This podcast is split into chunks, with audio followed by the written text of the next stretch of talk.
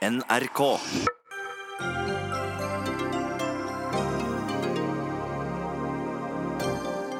Kvinne ut og mann inn. Det brygger opp til mer bråk i Arbeiderpartiet etter at Trond Giske plutselig erstattet Marianne Martinsen som partiets finanspolitiske talsperson. Eller var det talsmann? Han har ikke rørt renten på 18 måneder, og har ikke planer om å gjøre det med det første. Sentralbanksjef Øystein Olsen gir oss tilstandsrapport på norsk økonomi. Hun kjøpte heroin til sin egen datter og passet på så hun fikk satt skuddet. Nå ber den samme moren tynt om en ny narkotikapolitikk. Og mot slutten av sendingen samler Erna Solberg de borgerlige partiene til regjeringssonderinger hos seg. Vi er direkte på plass.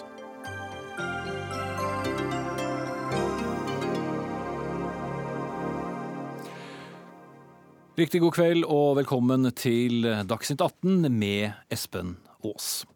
I ettermiddag så ble det altså klart at nestleder Trond Giske blir Arbeiderpartiets nye finanspolitiske talsperson, og det har skapt reaksjoner blant kvinnelige medlemmer i partiet at Marianne Martinsen dermed blir byttet ut etter fire år i samme posisjon. Mange Ap-kvinner mener dette er et signal om at de ikke er dyktige nok når det gjelder. Og også lokalt står det tidvis dårlig til med likestillingen i partiet, selv om de på sine nettsider vil være Norges mest likestilte parti. Og partisekretær Arbeiderpartiet Kjersti Stenseng, og også leder av valgkomiteen, hvorfor var det så nødvendig? Nei, nå er det viktig å understreke at Det valgkomiteen skal gjøre, er å legge fram en innstilling for eh, gruppa eh, når gruppa skal møtes for å konstituere en ny gruppe.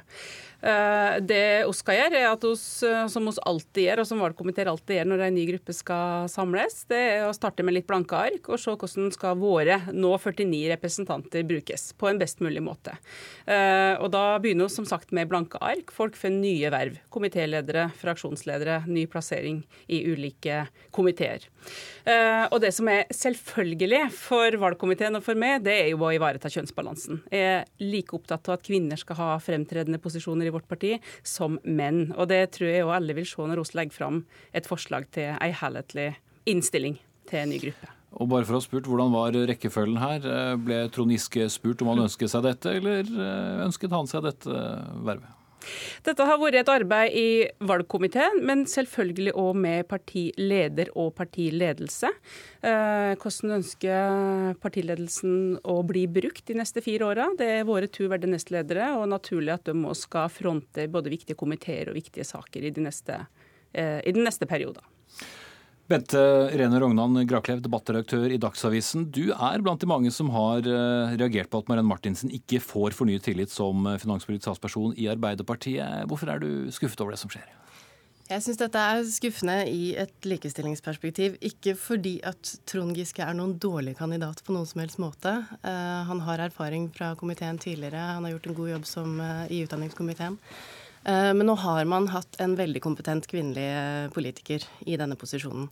Hun ønsket å fortsette i posisjonen, eh, og man klarer ikke helt å forklare hvorfor hun da byttes ut med Giske. Så er det spekulasjoner om maktkamp og ulike årsaker til dette her. Det tenker jeg er vanskelig å kommentere noe på. Eh, men signalet utad mener jeg er ganske uheldig. Eh, både overfor velgere, eh, mange kvinnelige velgere av Arbeiderpartiet, og overfor de kvinnene som ønsker å søke posisjon i partiet seinere. Ja, Stenseng, Det sender jo i hvert fall et visst signal i en tid hvor dere jo ja, ikke akkurat har litt å holde på med fra før. Altså, jeg hadde skjønt det argumentet hvis valgkomiteen nå legger fra meg innstilling der du f.eks. har ti mannlige fraksjonsledere og to kvinner, eller sju menn og tre kvinner. Men det valgkomiteen, har gjort i dag, er å lagt fram et forslag eh, på innstilling på partiledelse, der Hadia Tajik, som er ei dyktig kvinne og vår valgte nestleder, skal eh, foreslås som fraksjonsleder for arbeid. Eh, og der Dag Terje Andersen da går ut av den rolla. Og så foreslås Trond Giske inn i finans, der Marianne da går ut. Eh, så summen til det valgkomiteen valgkomiteen legger fram, er selvfølgelig like mange kvinner i viktige posisjoner som menn. Så det likestillingsperspektivet er veldig viktig, men det er heller ikke alltid argumentasjon når du da eh, sier at det sender ut et eh, et dårlig signal at nå ei ung, dyktig kvinne som Hadia Tajik skal ha arbeidsfeltet eller foreslått inn der, og troen på finans.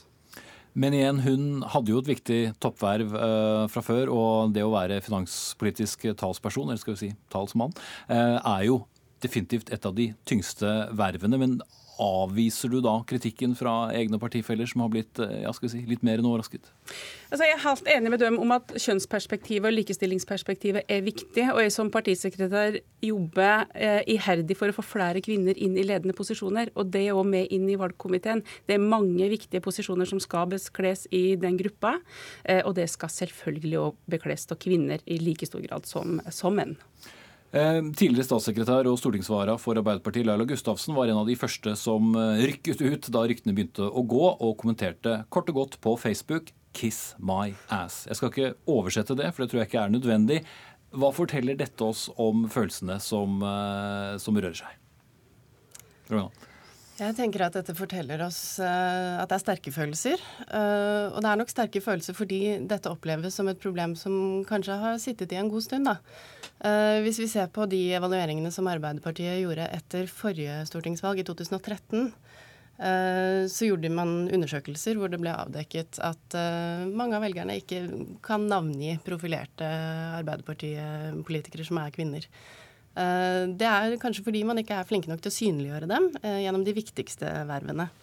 En ting er å ha lik fordeling av fraksjonsledere, det er vel og bra. Men en annen ting er hvilke områder kvinnene får slippe til på og forbli synlige. Eh, her hadde man muligheten til å synliggjøre en veldig dyktig og kompetent politiker. Eh, og nå i en periode hvor den posisjonen kanskje blir enda viktigere, eh, med tanke på at regjeringen har et, et magrere grunnlag enn før, så velger man da å sette inn en mann i stedet. Det er i hvert fall det signalet utad. Med en gang det begynner å bli alvor, så setter man inn en mann. Hvordan skal du eventuelt roe ned gemyttene fra de som ja, til og med skriver på engelsk på Facebook. At, eh, jeg mener jo at det har vært ganske stort alvor i de fire åra som ligger bak oss. Og Marianne har gjort en glitrende jobb som eh, talskvinne på finans. Eh, det som skal skje nå, er at dyktige kvinner skal være talskvinner på viktige områder i de neste fire åra.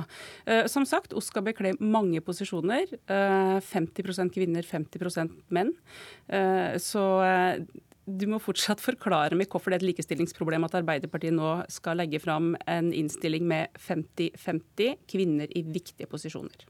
Det er et likestillingsproblem rett og slett fordi man ikke har en god forklaring på hvorfor man erstatter en veldig kompetent person i, eh, i en finanspolitisk talspersonrolle eh, med en mann. Man har ikke en god forklaring på det. Du evner ikke å forklare det på en annen måte enn at nå skal vi se på helheten, og vi legger fram en innstilling med 50-50.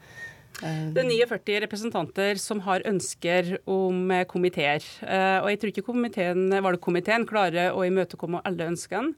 Eh, når vi bytter komiteer, så er det først og fremst fordi vi ønsker at eh, folk skal gjøre en god jobb på nye områder, på viktige områder.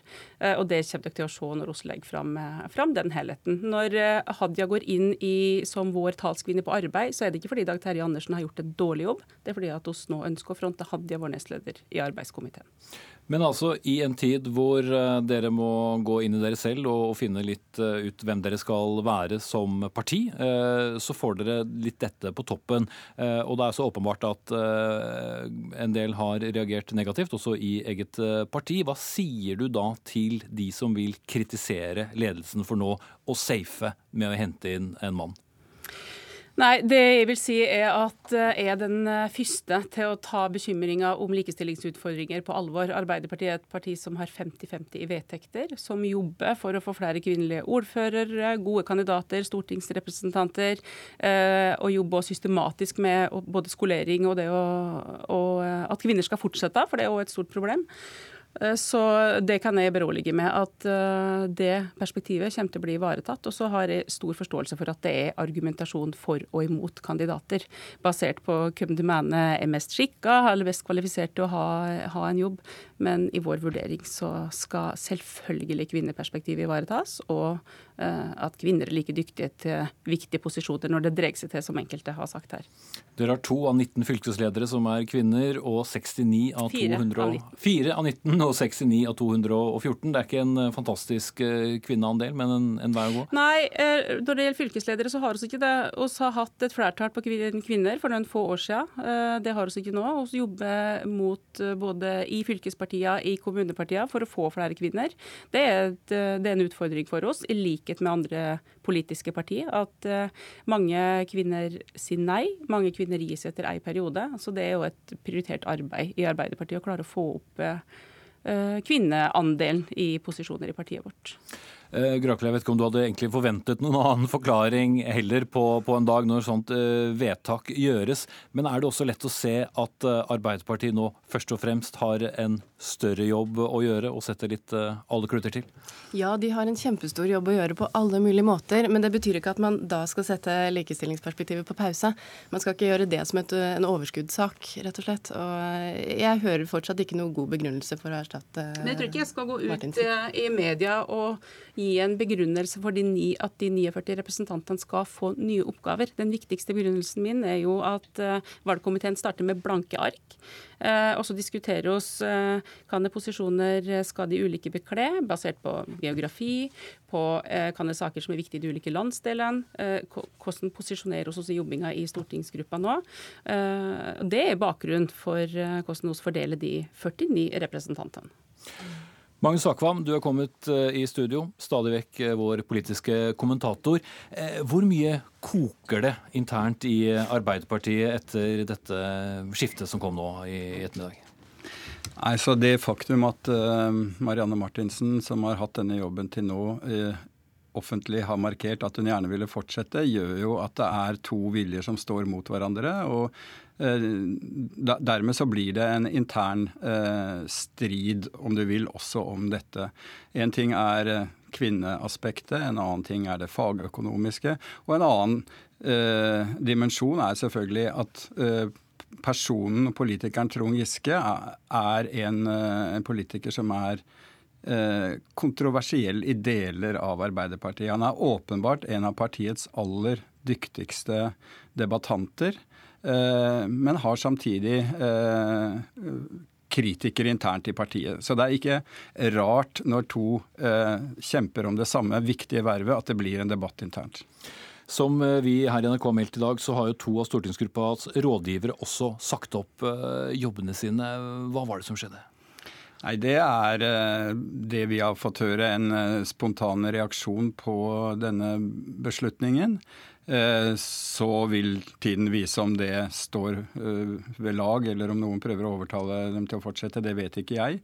Men det er klart at jeg har også lest underveis, når dette har blitt eksponert i mediene, begrunnelser om eller stempling nærmest av de som har vært kritiske til, til å gi Trond Giske denne jobben, som om de var eh, frustrerte over ikke å bli, eh, få verv som arbeid, når Arbeiderpartiet tapte eh, kampen om regjeringsmakten. At det liksom kom av at de eh, var så skuffet over det at de dermed reagerer spesielt sterkt på, på denne, denne, situasjonen. Og det er klart det kan provosere eh, miljøet rundt eh, Marianne Martinsen, i tillegg til selve uh, det, den beslutningen vi snakker om her. Arbeiderpartiet er fortsatt, fortsatt, skamslått etter valgnederlaget. Så får vi denne debatten uh, på toppen. Uh, hvordan skal vi beskrive tilstanden til, til Norges så vidt største parti? Altså, for det første så er det jo så er det verdt å minne om at det er skal vi si, legitimt at uh, topplederne, nestlederne i partiet, ber om bestemte verv uh, i, i, partiet. Så det, er ikke, det, er ikke, på en måte kritikkverdig på noen måte i seg selv. Så det, det, kontroversielle her er rett og slett om beslutningen er riktig. Altså er den faglig riktig, og er den politisk riktig, er den kvinnepolitisk riktig? Og, og, og, og det er en del av dimensjonen. Så Jonas Gahr Støre har jo hatt en nærmest skal vi si, umulig jobb her. Eh, det er, det er, nok han som til slutt har bestemt hva som kom til å skje. Eh, I, ville han si nei til Trond Giske, ville det også være eh, et stort mm, problem. Og som vi ser nå, når Marianne Martinsen ikke får jobben, så blir det også en konflikt. Eh, ellers så er det klart at eh, noen kan lese dette inn i det budskapet som man har hatt på dette landsstyremøtet om at Arbeiderpartiet skal bli tøffere nå i opposisjon enn det de mener de har vært de siste fire årene. Og er det noe Trond Giske har ry på seg for å være, så er det liksom å være tøff. Og det er klart at finanspolitikken, diskusjonen rundt statsbudsjettene, kommer til å bli kanskje den aller viktigste arenaen i eh, konflikten mellom opposisjonen, Arbeiderpartiet og Høyre-Frp-regjeringen. Mm. Det høres ikke ut som det blir eh, kjedelig fremover heller. Takk skal du ha, politisk kommentator her i NRK, Magnus Takvam. Dagsnytt 18 alle hverdager kl 18.00 på NRK P2 og NRK2.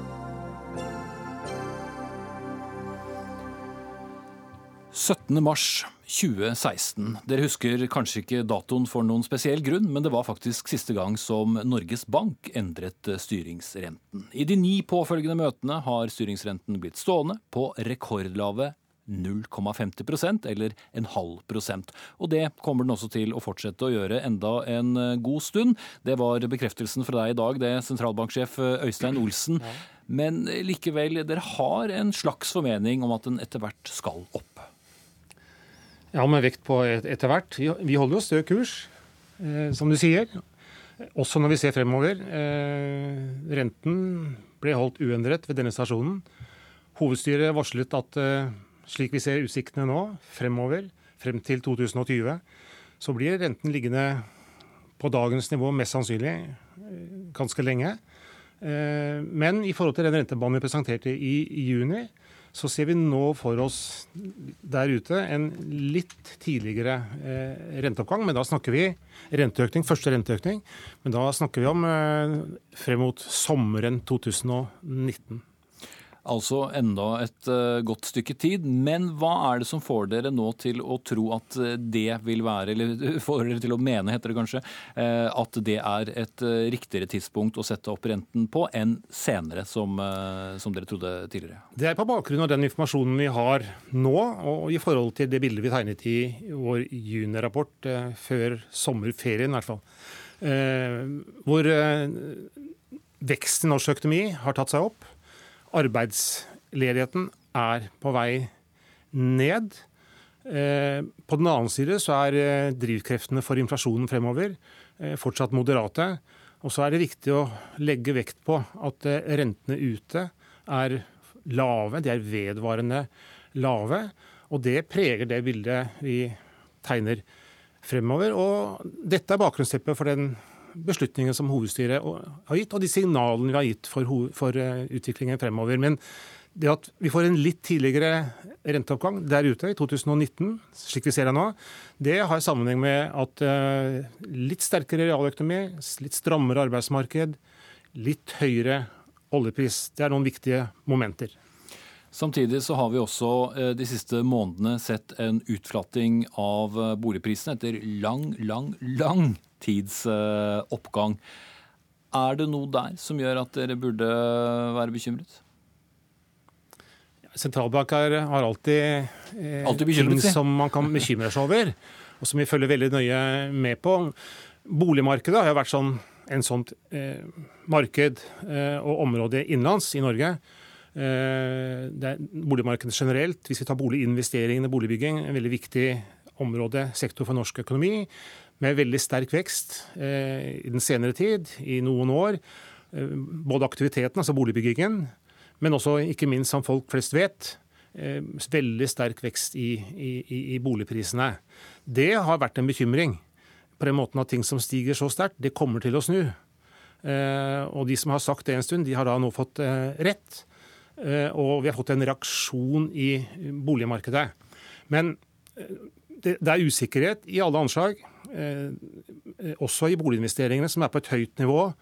Eh, veksten har vært sterk. Vi, vi spår en avdemping der. Og vi har spådd en klar avdemping i boligprisene.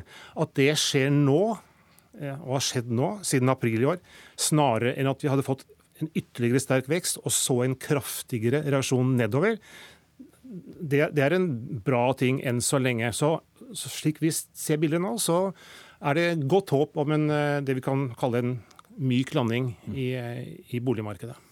Men vi har da en befolkning som har veldig mye penger eh, bundet opp i egen bolig. Vi har banker som har veldig mange lån, men til en lav rente. Og hvis etterspørselen nå blir mindre etter lån, samtidig som verdien på boligene går ned. Burde folk da være litt bekymret hvis de er i, i markedet eh, for å selge? Ingen vil være den siste som eh, kjøpte på topp, og alle vil jo gjerne vente til noe blir billigere. Altså, jeg, jeg, ordet bekymring vi er, ikke, vi er kanskje hakket mindre bekymret hit det som har skjedd, enn en dersom boligprisene hadde fortsatt å øke sterkt. Og Det kan jo være en mulig ledetråd også for uh, folk flest. Uh, litt forsiktig er det alltid fornuftig å være når man opptrer i boligmarkedet, slik at man, ut, at man kjøper den boligen som man kan betjene over tid, også i forhold til låneopptak. Og så må man være klar over at boligpriser går ikke bare én vei. Og Det er utviklingen siden april et, en, en, et godt eksempel på. Sånn sett så kan det være en, en lærdom. Men vi skal meg langt tilbake i tid før vi har hatt noen særlige korreksjoner på, på, det området. Akkurat som renten. Og da er jo det andre spørsmålet, det er jo få sentralbanksjefer som har hatt en så jevn rente som det du har hatt uh, i, i din tid. Får det deg til noen ganger å tenke at eh, hvis det er eh, våpenet jeg har til å justere kursen på, på norsk økonomi, så, så, har jeg kanskje ikke så mye å bruke? Nei, Vi tenker ikke sånn. Eh, vi, vi har en, norske renter har vært lave lenge. Som konsekvens av at rentene ute har vært lave. Hvis jeg går tilbake til desember 2014, så var norske renter vil, Mange vil si, og jeg sa, sa det selv, 1,5 var styringsrenten da. Det er lavt fordi rentene våre ute var lavt. Men så kom oljeprisfallet. Vi hadde handlingsrom begge veier, også nedover. Og vi satte renten i kjølvannet av oljeprisfallet ned fra halvannen prosent til en halv prosent, som er dagens nivå. Og Vi har siden den gangen hele tiden understreket, og vi mener det, at vi har handlingsrom begge veier fortsatt. Vi har ikke beveget oss så langt ned som andre sentralbanker, som har havnet på null, og noen sentralbanker har havnet under null. Så vi har fortsatt handlingsrom i rentesettingen for å tilpasse rentesettingen til den utviklingen vi ser dersom bildet skulle endre seg i forhold til det vi nå tegner. Da sier vi takk til deg så langt, sentralbanksjef eh, Øystein Olsen. Og så skal vi eh, sende inn to eh, andre som har greie også på boligpriser og makroøkonomi. For på vei inn her har vi Jeanette Strøm Fjære og Kari Due Andresen. Henholdsvis makroøkonom i DNB Markets og sjeføkonom i Handelsbanken. Og um, Andresen først, Da vi snakket sammen tidligere i dag, så sa du at du var overrasket over uh, optimismen hos uh, Norges Bank. Hvordan da? Ja, Vi hadde ventet at de skulle presentere en rentebane som var så å si uendra i dag. Uh, men så var de litt mer optimistiske på vegne av norsk økonomi. De hadde revidert opp litt, og det er særlig en høyere oljepris som bidrar til dette her. Eh, vi syns det er litt vel optimistisk på det punktet vi står i dag. Vi så at eh, Norges Banks regionale nettverkskontakter f.eks. advarte om litt svakere vekst framover enn det vi har hatt nå, så vi hadde trodd vi skulle være litt mer forsiktige. Fjerde, Vi har jo hatt da eh, evig lange rekker av eh, rentemøter som alltid ender med det samme, nemlig uendret eh, rente. Var det med et litt sånn skuldertrekk du fulgte med i dag? Ja, i hvert fall når det gjelder selve rentebeslutningen, så var det vel ikke noe særlig usikkerhet eh, i dag. De fleste, og vi hadde ventet uendret rente. Men det er jo alltid interessant å følge med på signalene om utviklingen videre, både i renta, men også hvordan sentralbanken har tolket nyhetene siden sist. Og da er jeg vel litt på samme ball her, at jeg syns kanskje at sentralbanken var litt grann mer optimistisk enn det vi hadde ventet. Men i det store og det hele så er det jo ikke de store endringene egentlig. Og vi er jo enige med sentralbanken om at eh, det er grunn til å være betinget optimist, da, som Øystein Olsen sa på, på pressekonferansen. I en tid hvor det har vært lav oljepris, lavere sysselsetting innenfor eh, oljesektoren, så har vi også hatt da en stat som har kunnet eh, sprøyte inn eh, mye penger. Vi har hatt et høyt offentlig forbruk og, og kommet greit ut av det. Nå er jo signalene om at det offentlige forbruket må ned. Vi skal bruke mindre oljepenger. Er det gode nyheter? Det er i hvert fall nyheter som er vel kjent nå. Og det, Norges Bank gjorde ikke noen store endringer i forhold til den prognosen der heller. Når vi har gått fra en 4 %-regel eh, for bruk av oljepenger av oljefondet til en 3 %-regel, så blir eh, rommet, handlingsrommet i, eh, i finanspolitikken mye mer begrensa. Uh, og det ville gjeldt om det var eh, Jonas Gahr Støre eller Erna som hadde styrt nå framover. Uh, sånn at finanspolitikken blir omtrent nøytral. Det som gjør at Norges Bank nå er mer optimistisk, er jo rett og slett at de ser for seg en bredere økonomisk vekst. De har trukket opp forventningene til husholdningenes konsum f.eks., og til oljeinvesteringer på norsk sokkel. Så finanspolitikken ventes å bare vokse i takt med resten av norsk økonomi nå, mens den fram til nå omtrent har bidratt til å trekke veksten opp. Men så eh, har vi da en utflating i eh, boligmarkedet. Et slags signal, la gå, eh, en stund frem i tid om at eh, renten skal opp. Kan det også gjøre at vi demper forbruket? At vi tenker oss litt mer om? Og at det kan skremme den jevne forbruker? At vi for første gang på veldig lang tid ser boligpriser i sentrale områder flate ut? Ehm, ja, men det, vi ser ikke noe særlig tegn til at uh, boligprisnedgangen vi har hatt nå de siste månedene, har slått ut i at forbrukerne har blitt mer pessimistiske eller at forbruket har avtatt. Snarere tvert imot så ser vi jo nå at forbruket tar seg litt opp igjen, og at forbrukerne er ganske optimistiske. Så jeg tror nok vi må ha et større og, og mer vedvarende fall i boligprisene før uh, man ser at uh, forbrukerne begynner å, å, å, bli skeptiske. Og jeg tror heller ikke hvis du tenker tenker på det at det nå er litt tegn til at renta kan øke kanskje litt tidligere i 2019 istedenfor litt senere. Jeg tror heller ikke den jevne forbruker tenker så mye over eh, det. Og det som skjer i 2019 er uansett veldig, veldig usikkert. Så hovedbildet her er jo at renten forblir relativt lav en stund til for ikke å si eh, rekordlav, eh, som også er eh, situasjonen som Øystein Olsen sa i Europa og andre land som det er naturlig å sammenligne oss med, som det heter. Men idet noen begynner å sette opp den renten, hvordan kan det domino, eller hva kan dominoeffekten være? For alle venter vi litt på at noen skal gå den andre vei, ettersom det ikke er så langt igjen til bunnen? Ja, og Norges Bank gjør jo vurderinger av hvordan de ser for seg at andre sentralbanker skal sette opp sine renter, og så ser de på markedsforventningene til hvordan dette her skal foregå. Og i den grad forventningen til renteendringer ute eh, kommer inn i Norges Bank, så bidrar det da til å påvirke rentebanen på marginen. Eh, det man eventuelt kan tenke seg som en sånn ekstraeffekt, er hvis Norges Banks styre f.eks. er veldig ivrig etter å få opp renta og ser at disse andre bankene faktisk begynner å gjøre noe, at det kan påvirke hvordan de avveier situasjonen for norsk økonomi, at det i seg selv kan bidra til en raskere renteoppgang. Men sånn helt isolert sett så vil en endring i internasjonale renter spille inn på vanlig måte i forhold til norsk renteutvikling, og det har Norges Bank allerede tatt høyde for hva de tror er mest sannsynlig nå. Skjønte Jeanette Strøm, eh, fjerde i, DNB Markets. Det faktum at vi har hatt en rente som bare har stått på, på stedet hvil, forteller det noe om også handlingsrommet til sentralbanken? Har den blitt litt sånn fanget av vår egen pengepolitikk? Jeg tror jo det at rentene er så innmari lav nå, det er jo ikke bare fordi vi har hatt en oljenedtur, det er jo også fordi eh, rentene har vært veldig lave internasjonalt. Og vi kan ikke avvike for mye fra rentenivået eh, internasjonalt, for da blir det store eh, effekter på kronekursen og videre på inflasjonen. Så sånn sett så har man jo vært litt, eh, litt bundet av det. Så tror jeg også at Norges Bank nå er litt mer forsiktig. Det sier de jo selv, at dagens lave rentenivå, det, de er litt usikre på hvordan pengepolitikken egentlig virker. og sånn sett så går går de litt mer varsomt frem enn det de, de ellers ville gjort. Det blir noe å fortelle andre om at det en gang fantes boliglånsrenter på langt over 10% Takk skal dere ha, Jeanette Strøm Fjære, makroøkonom i DNB Markets, og Kari Due Andresen, sjeføkonom i Handelsbanken.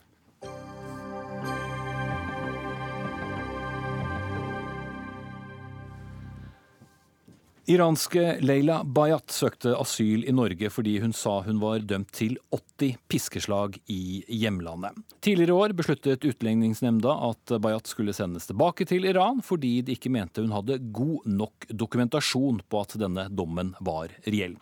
I går eh, viste TV 2 sterke bilder av at Bayat har sår på ryggen av det som angivelig er piskeslag gjort av iranske myndigheter denne uken. Og Jon Peder Egenes, generalsekretær i Amnesty International, du mener eh, Leila Bayat ikke skulle ha blitt sendt tilbake til Iran tidligere i år. Hva er det som har gått galt da, når hun likevel ble det? Det som gikk galt, det var at uh, utlendingsmyndighetene ikke tok hensyn til den tvilen de må ha hatt i forhold til de uh, papirene, altså domsavsigelsen som Leila Bayat la fram for dem.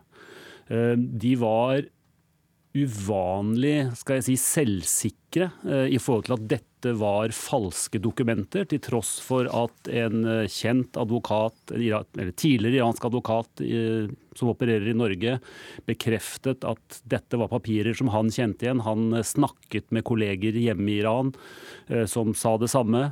Til tross for at advokaten til Leila Bayat, som hadde forsvart henne i denne saken, eh, sa han var villig til å, til å fortelle norske myndigheter om denne saken og bekrefte at dette var virkelige dokumenter og ikke falsum, så, så sto myndighetene på sitt og sendte henne ut.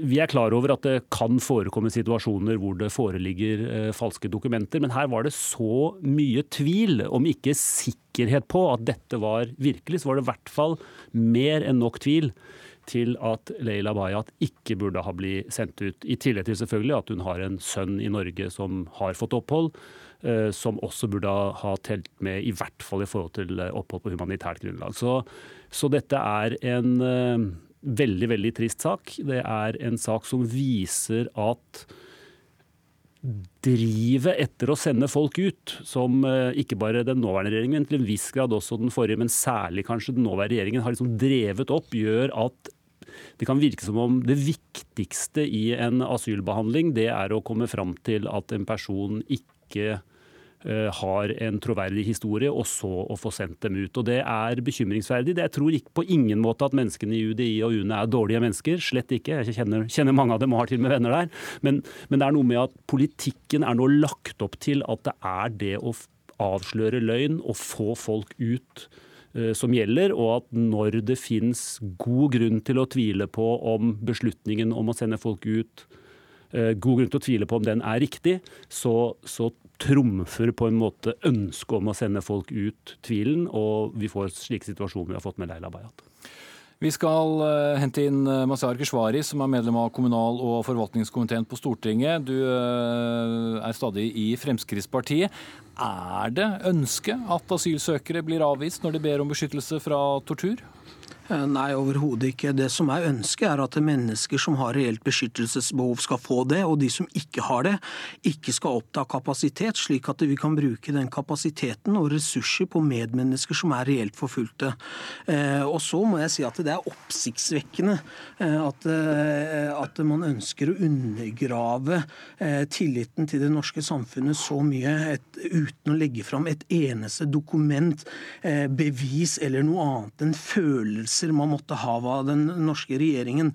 Realiteten er at Norge har vært i verdenstoppen altså, eh, Når det kommer til mottak av eh, flyktninger, hvis vi ser i, i Vest-Europa, både i antall og spesielt med tanke på hvor mange vi har tatt imot per 1000 innbygger, og vi har vært et raust og sjenerøst land som har behandlet søknader til mennesker som trenger beskyttelse på en seriøs måte. Og så har vi kommet til en situasjon der 65 millioner medmennesker er enten internt fordrevne eller på flukt i verden. Og da har vi sagt at vi ønsker å bruke ressursene slik at vi kan hjelpe flest mulig medmennesker som har behov for beskyttelse. Da er det helt naturlig og nødvendig å eh, returnere de som ikke har behov for det, slik at man kan bruke ressursene på de som har det.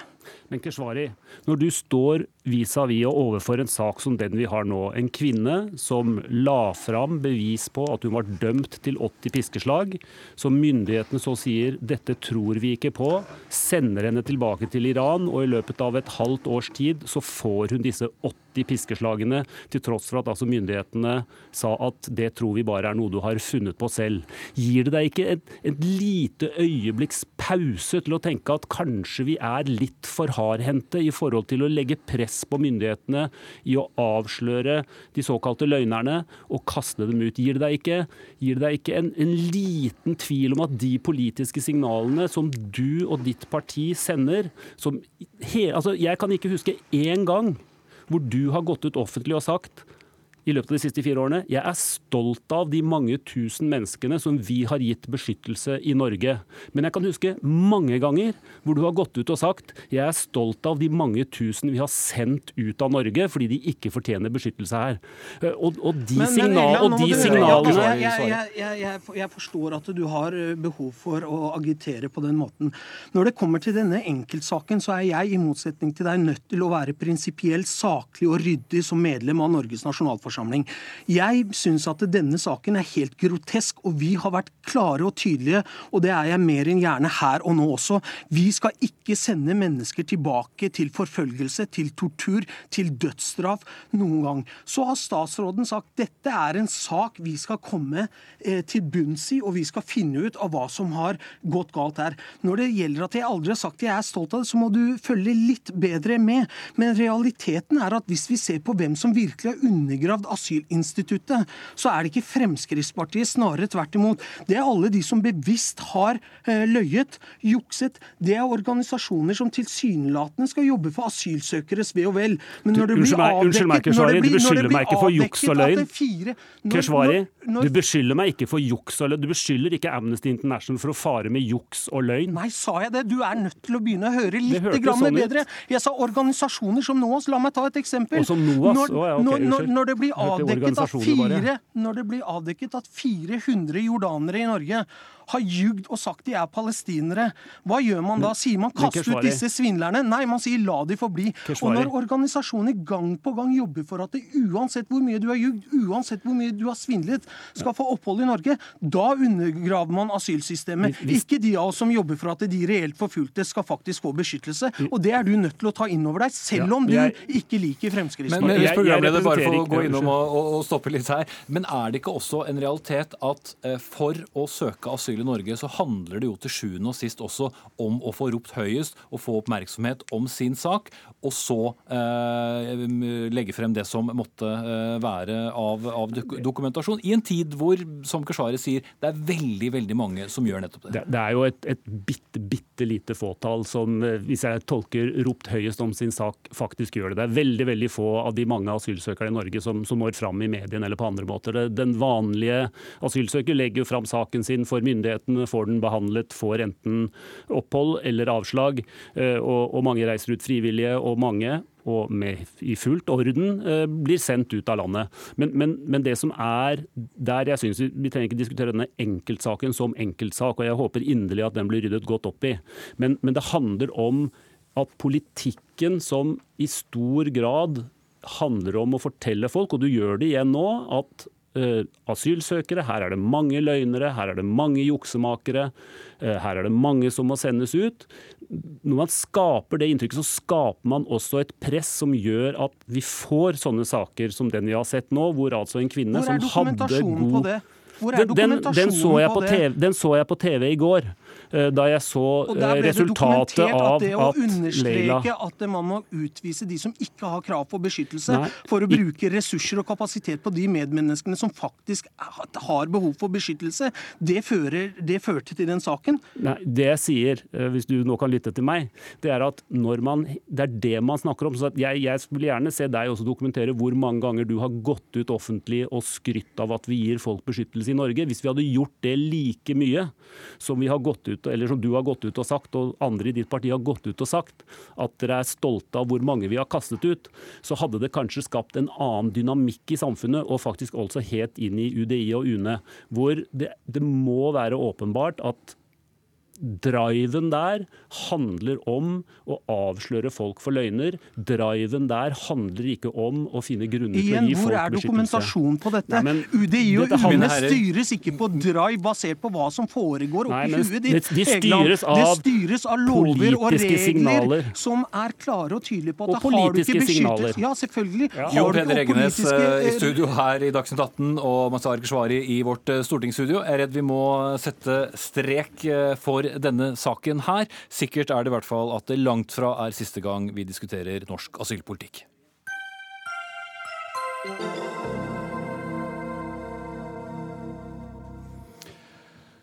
Dagens ruspolitikk gjør mennesker enda mer syke. Ja, Det sier Anne Ramm, som er mor til en rusavhengig kvinne. I Aftenposten denne uken tar hun et oppgjør med den ruspolitikken som blir ført. I sommer kjøpte hun rett og slett heroin til sin egen datter. Og hun beskriver det slik. Jeg holdt rundt henne så hun ikke skulle bomme. Sett med jussbriller var jeg ikke bare medvirkende i en kriminell handling, jeg var hovedpersonen. I et helseperspektiv bedrev jeg smertelindring og skadereduksjon. Anne Ramm, eh, som har skrevet eh, disse ordene, er med oss i studio nå. Hvorfor valgte du å kjøpe et skudd heroin til din egen datter? Det må være noe av det siste en forelder ønsker seg å gjøre. Ja, det skjønner jeg veldig godt at du sier, og det er nok mange som reagerer på den måten. Eh, og som pårørende så er jo det siste jeg ønsker at det skal være fri flyt av dop i gatene, men min erfaring er jo at det er det i dag. Og i en situasjon hvor hun eh, ferdes rundt i et eh, ganske farlig, eller ikke bare ganske, men et veldig farlig kriminelt miljø, i en situasjon hvor hun er under avrusning, og hvor overdosefaren er størst, så var det kjempeviktig for meg som pårørende at hun var tryggest mulig. Fordi jeg vet at eh, ikke ti ville hester ville klart å stagge henne fra å gå og kjøpe heroin selv. Og da var det viktig at eh, jeg var til stede for å gjøre smerten minst mulig og skaden minst mulig. Det var rett og slett, Du følte det var det riktigste valget du kunne gjøre, og heller sørge for at hun fikk det skuddet ved at du betalte for det, enn at hun skulle gjøre det på egen hånd? Absolutt. Eh, Hun kan bli ranet, det er mye som kan skje. Det kan bli slåsskamper. Det er et veldig, helt uforutsigbart eh, marked, for å kalle det det.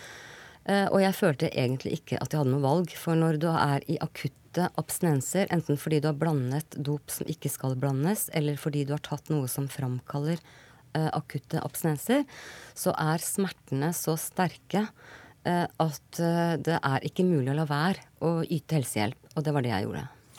Man skal jo ikke ferdes mye rundt i denne byen eller andre store byer, enten i Norge eller andre steder, for å se eh, rusa mennesker på, på gaten.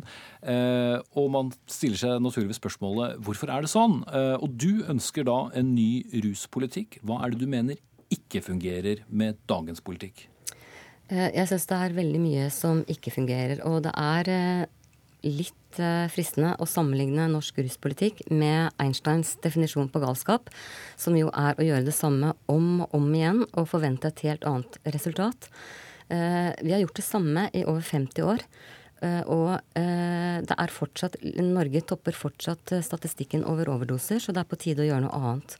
Og jeg mener at, det, at denne pasientgruppen, for å kalle det det, de trenger helse foran straff.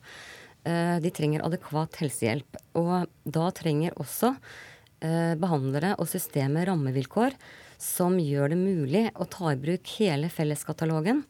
Eh, De må kunne ta i bruk de stoffene som er nødvendig ut ifra den enkeltes behov. Alt annet vil være bare en ekstra helseskadelig omvei. Og det innebærer både medisinsk cannabis og heroin og alt imellom. Så alt som er forbudt i dag, burde ikke være det. Altså Det som er forbudt, og hva som ikke er forbudt, det er jo politikk, og det er juss. Uh, og det er ikke nødvendigvis medisinskfaglige begrunnelser som ligger bak. Så jeg mener at i et helseperspektiv så bør man få de rammevilkårene som skal til, og, og den fleksibiliteten i behandling som skal til, for at folk faktisk blir friske. Vi skal bringe noen politikere ganske snart, men gitt at politikken som du etterlyser hadde vært på plass, hvordan ville det gjort ting annerledes for din egen datter eller andre i samme situasjon? Eh, Det ville endret veldig mye. For det første så tror jeg at hvis hun hadde sluppet det jaget etter stoff, Eh, og sluppet å ferdes i et eh, miljø som, som, har helt andre spilleregler enn det vi vanlige, holdt jeg på å si, kjenner til. Trusler og vold. Så ville det gjort det enklere for henne å ta imot hjelp. Det ville vært enklere for behandlere å komme i posisjon. Og det er kanskje noe av det viktigste. For i dag så fungerer det sånn at i rusbehandlingen, så hvis du sprekker i rusbehandlingen, så blir du kastet ut. Og det er et paradoks. Og det er ingen andre pasientgrupper som blir skrevet ut av behandling pga. symptomer som skyldes grunnen til at du er i behandling. Tone Trøen, eh, stortingsrepresentant for Høyre og medlem av helsekomiteen. En mor som kjøper et skudd heroin til sin egen datter og holder henne mens hun setter det på seg selv, eh, er en veldig sterk historie. Hva er det som ikke fungerer når vi hører om sånt? Da jeg leste den kronikken i dag, så gikk den rett inn i, hjertet. Eh, og det tror jeg den gjorde på alle som leste den. Den var liksom litt sånn hudløst ærlig på hvordan det oppleves å være pårørende, og for dere. Eh, både deg og din datter. Så egentlig så må jeg bare si takk først for at du er så ærlig og sier, eh, sier dette. Og, og lager denne, dette rommet for debatt om noe som er kjempeviktig. Jeg tror vi må erkjenne alle at uh, vi har ikke lykkes godt nok med å møte uh, din datter og mange av de som opplever å være rusavhengige. Vi har gjort mye. De siste fire årene har vi redusert ventetiden, vi har innført fritt behandlingsvalg, vi har styrket ettervernet i kommunene. Men allikevel så må vi gjøre mer, spesielt for det vi snakker om her i dag. er da avkriminalisering av brukere en vei å gå, som er en vei dere foreløpig ikke har gått? Ja, Det eh, Høyre eh, går inn for eh, og har gått til valg på, er jo at den enkelte rusavhengige ikke skal straffes for bruk eller for besittelse av illegale rusmidler til eget bruk. Og Det er jo et eh, stort skifte i, i ruspolitikken for oss. Eh, men det er også mange andre partier på Stortinget som, som mener dette. Så jeg mener at det lover godt for rusomsorgen framover. At det nå er mange partier som tar til orde for dette. Flytte reaksjonene fra justisområdet til helseområdet. Eh, fordi det er jo da vi kan hjelpe. Eh, og vi må bare erkjenne at eh, slike reaksjoner vi har hatt fram til i dag, er ikke det som fungerer godt nok for, for denne gruppen pasienter. Vi skal hente inn en politiker til, nemlig Olag Bollestad, som er nestleder i KrF, også fra helsekomiteen på Stortinget, som er med oss fra Stavanger. Da. Så hva gjør sterkest inntrykk på deg i denne kronikken? Eh, jeg kjenner meg jo igjen eh, som mor. Eh, du er jo nesten Du kan jo nesten gå over lik holdt på å si, for å hjelpe din egen unge, og det kjenner jeg det Jeg, jeg sitter her med tårer i øynene, for det, akkurat det har jeg stor, stor forståelse for. Um, og samtidig så kjenner jeg at jeg som politiker um, har kanskje svikta på noen områder, men samtidig så tenker jeg at um, når, når, hun sier at du ønsker som mor også å legalisere dette som, til medisinsk bruk, så har jeg prøvd å gå inn i statistikker der de har gjort dette, eh, både i USA, eh, i Colorado f.eks., og ser at det illegale markedet har ikke gått ned av den grunn. Bruken har heller ikke gått ned av den, den, den grunn. Så tenker jeg, er det noe vi faktisk kan gjøre annerledes, men samtidig eh, bruke det vi har i dag? Eh, det er sånn at vi kan bruke lovverket i dag og eh, nå inn til folk, og spesielt ungdom, når vi har det på justisfeltet og ikke på helsefeltet. Men vi kan på en måte i anførselstegn dømme til helsehjelp. Eh, et eksempel er jo det de har gjort i Kristiansand, hvor 95% av ungdommene følger det løpet som da justis ber de om å gjøre innenfor helse, som gjør at ikke de faller utenfor.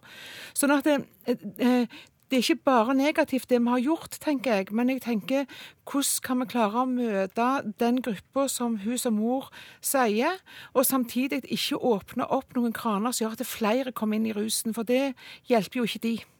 Anne Ram, eh, Politikken har åpenbart ikke hjulpet i hvert fall deg og din datter i din situasjon. Eh, dine umiddelbare reaksjoner fra den lille runden vi har hatt så langt? Jo, det er to ting. Det ene er til deg eh, fra Høyre. Det ene, og du løfter fram fritt behandlingsvalg. Og da har jeg lyst til å kommentere at fritt behandlingsvalg, hvem er dette? Hvilken pasientgruppe er dette? Hvilken mulighet har de for å gjøre et rasjonelt valg? Eh, det er et eh, konglomerat av tilbud, både av private aktører og kommunale. Eh, og det er ikke gitt uten videre at dersom f.eks. Oslo universitetssykehus mener at de har et adekvat helsehjelp som er veldig sykehusaktig og lite fleksibelt, at det betyr at man da får betalt behandling andre steder som kunne egnet seg mer. Det er det ene. Og det andre er at man bør rydde opp også i metoder blant de private aktørene før man kan eh, få full effekt av fritt behandlingsvalg. For det er veldig mange rare metoder eh, som ikke nødvendigvis er basert på helse Eh, der ute. Og så har jeg lyst til å kommentere det med, med avkriminalisering og KrF. Eh, nå har man prøvd den straffelinja, og, den, og, det er veldig mange av oss altså Jeg tør å skrive denne kronikken, som har vært en prosess, fordi jeg vet at vår situasjon ikke er unik. Uh, og vi har sett at straff ikke hjelper. Eh, det er uh, vel kanskje bare KrF som fortsatt tror at man kan tvinge noen til gudfryktighet. Fordi at den endringen som skal til for å bli frisk, den skjer hos den enkelte. Og da fungerer ikke straff. Og det er også et paradoks at f.eks. en som sliter med hasj, som går til psykolog, og, og kanskje har blitt oppfordret av pårørende til å gå til psykolog for å ta tak i dette Eh, der har faktisk psykologen meldeplikt, eh, som gjør at eh, den unge eller eldre kan miste lappen. Og det er jo også et stort paradoks som, som gjør at veldig mange også unngår helsehjelp. Bollestad, du skal få svare først. Ja, For det første så har jeg lyst til å si at jeg har ingen mål om verken å kristne eller være Kristelig Folkeparti på det viset. Jeg er jo helt enig med deg i at det ingen det er ingen hjelp i å bli dømt og komme ut igjen og ha den samme gjeld og ha den samme utfordringen.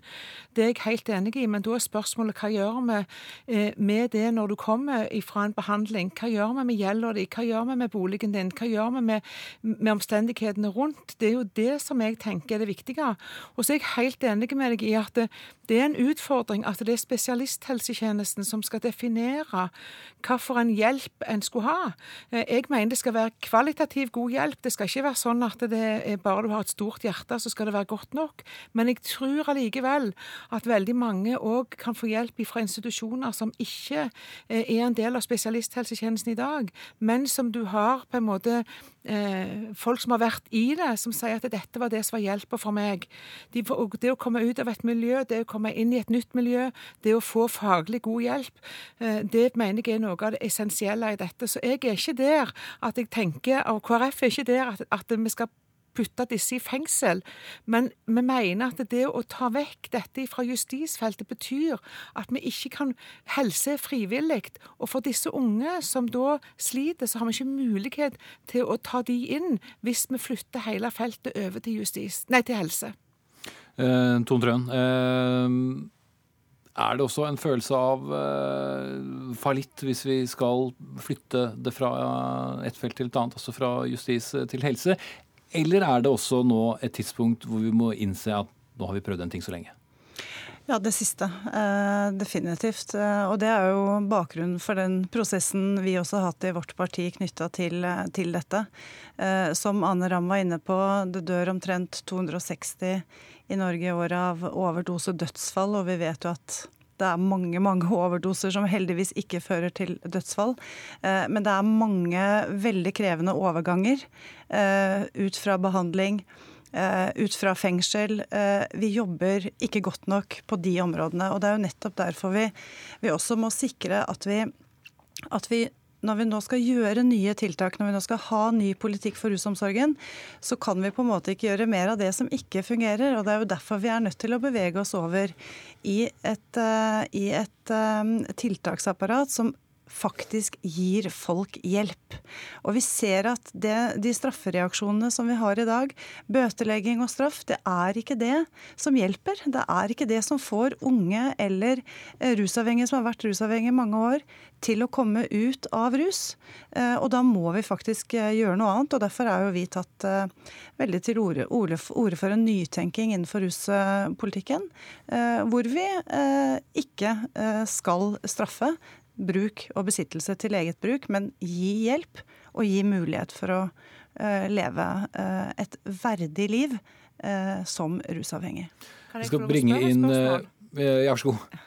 Til Høyre, dere mener ikke i Høyre at vi skal avkriminalisere eh, rus. Er det det du sier, Tone, eller er det, er det det med den besittelsen til eget bruk du er opptatt av? Nei, i, i faglitteraturen så omtales jo ofte det forslaget vi eh, sier som avkriminalisering. Eh, men vi har valgt å ikke bruke ordet avkriminalisering fordi man veldig ofte eh, forvirrer det til å handle om legalisering, som kanskje er det du snakker om. Og vi ønsker jo ingen legalisering av eh, illegale rusmidler i Norge. Eh, til det er vi jo helt enige, Olaug, om at vi har en restriktiv både alkohol- og ruspolitikk i Norge. Og at det er en av årsakene til at vi heldigvis har færre unge eh, som prøver å utforske rus også i Norge, enn i mange andre land. Vi skal bringe inn eh, en fjerdemann her òg, nemlig Sturla Haugsgjerd, talsperson for brukere og pårørende i foreningen Tryggere eh, ruspolitikk. Du har hørt mange politikere, du har ikke minst hørt mange brukere og pårørende. Hva sier du nå? Nei, jeg, jeg, støtter meg jo fullt ut til det Ane skriver, og det hun sier også. Jeg syns eh, hun eh, både snakker på et språk som alle kan forstå, og det er jo selvfølgelig veldig rørende, men eh, jeg syns det er lett å, å, bli fanget i at dette er rørende skrevet, og det minner meg veldig om når vi snakket om overdosedagen for to år siden, at alle ble rørt da og så gikk det hvert sitt? Ja, så gikk det hvert sitt etterpå. Vi må, vi må, virkelig gå inn og se på systemet her, altså. Og nå har vi en eh, historisk mulighet med eh, det som jeg nå tror er et flertall på Stortinget for en ordentlig rusreform, til å forandre systemet grunnleggende. Og da snakker vi om fullstendig avkriminalisering av alle brukere. For det livet som de lever, datteren til Ane f.eks., og det livet jeg til dels har levd som rusavhengig selv, det er det ingen eh, mennesker som vil utsette seg for.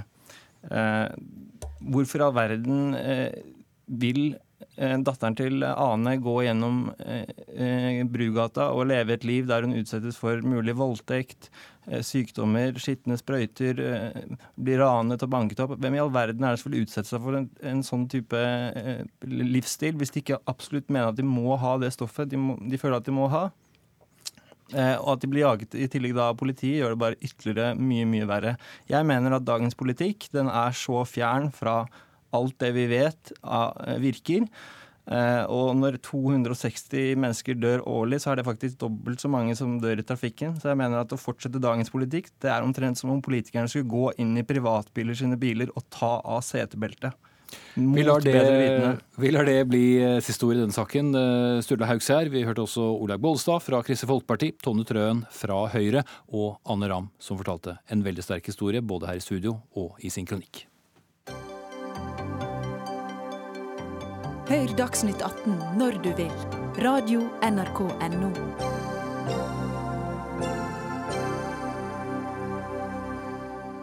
Om noen minutter, idet klokken blir 19, møtes eh, partilederne på borgerlig side til det første av mange samtaler partene imellom om et mulig samarbeid eh, fremover politisk sett. Og Lars Nehru Sand, du er med oss utenfor eh, statsministerboligen.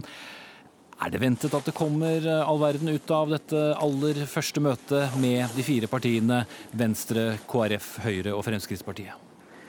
I dag er det nok uh, mer innledende samtaler, ikke minst og litt om veien videre. Det er jo en veldig ulik situasjon enn, enn hva det var i uh, eh, 2013, da de vant valget for første gang, uh, disse fire partiene. Kristelig Folkeparti f.eks. har ikke hatt landsstyremøtet sitt ennå, det er i morgen.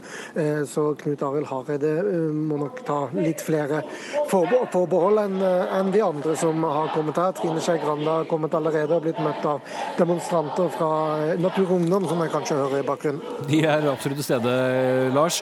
Eh, men nå har jo både eh, fremtredende personer i Venstre og også i KrF sendt ganske sterke signaler om at det å skulle samarbeide med, med Fremskrittspartiet, det er og blir vanskelig. Har Erna Solberg noen grunn til å være optimist? Hun har jo grunn til å tro at hun kan få med seg disse fire til å i hvert fall eh, innse hvilket skjebnefellesskap eh, de har, og om det er nødvendig og, og realistisk å få til en, en formalisert avtale så, i, i, så stor grad som hun fikk eh, sist. Det gjenstår da å, å, se før disse forhandlingene er, er, ferdige og, og, og, mer formalisert i gang enn de vil være i dag. Men det er jo også sånn at veldig mye ligger til rette for at i løpet av denne høsten så trenger det ikke skje den helt store utviklingen på borgerlig side, så lenge man får igjennom et budsjett. Og det kan være mer spennende hvordan disse fire partiene vil forholde seg til hverandre gjennom perioden og inn mot det neste stortingsvalget. Ja, for til slutt, Lars. Det er jo slik at Erna Solberg satt vel tryggere etter at hun fikk til en avtale for fire år siden, enn det hun kan se ut til å gjøre i denne perioden? Kanskje aller mest fordi at eh, nå trenger opposisjonen kun å få støtte fra Kristelig Folkeparti før det er et helt annet flertall i Stortinget. Både SV og Senterpartiet og andre vil nok utnytte det til fulle. og Det setter jo KrF i en annen situasjon enn hva det har vært eh, denne perioden her. Det er eh, nok å følge med på, både for deg og alle andre oss som er interessert i politikk. Takk til politisk kommentator Lars Nehru Sand utenfor statsministerboligen. Dagsnytt 18 er ved veis ende. Ansvarlig for sendingen Arnhild Myklebust. Teknisk ansvarlig Hanne Lunås. Og jeg, jeg heter Espen Aas.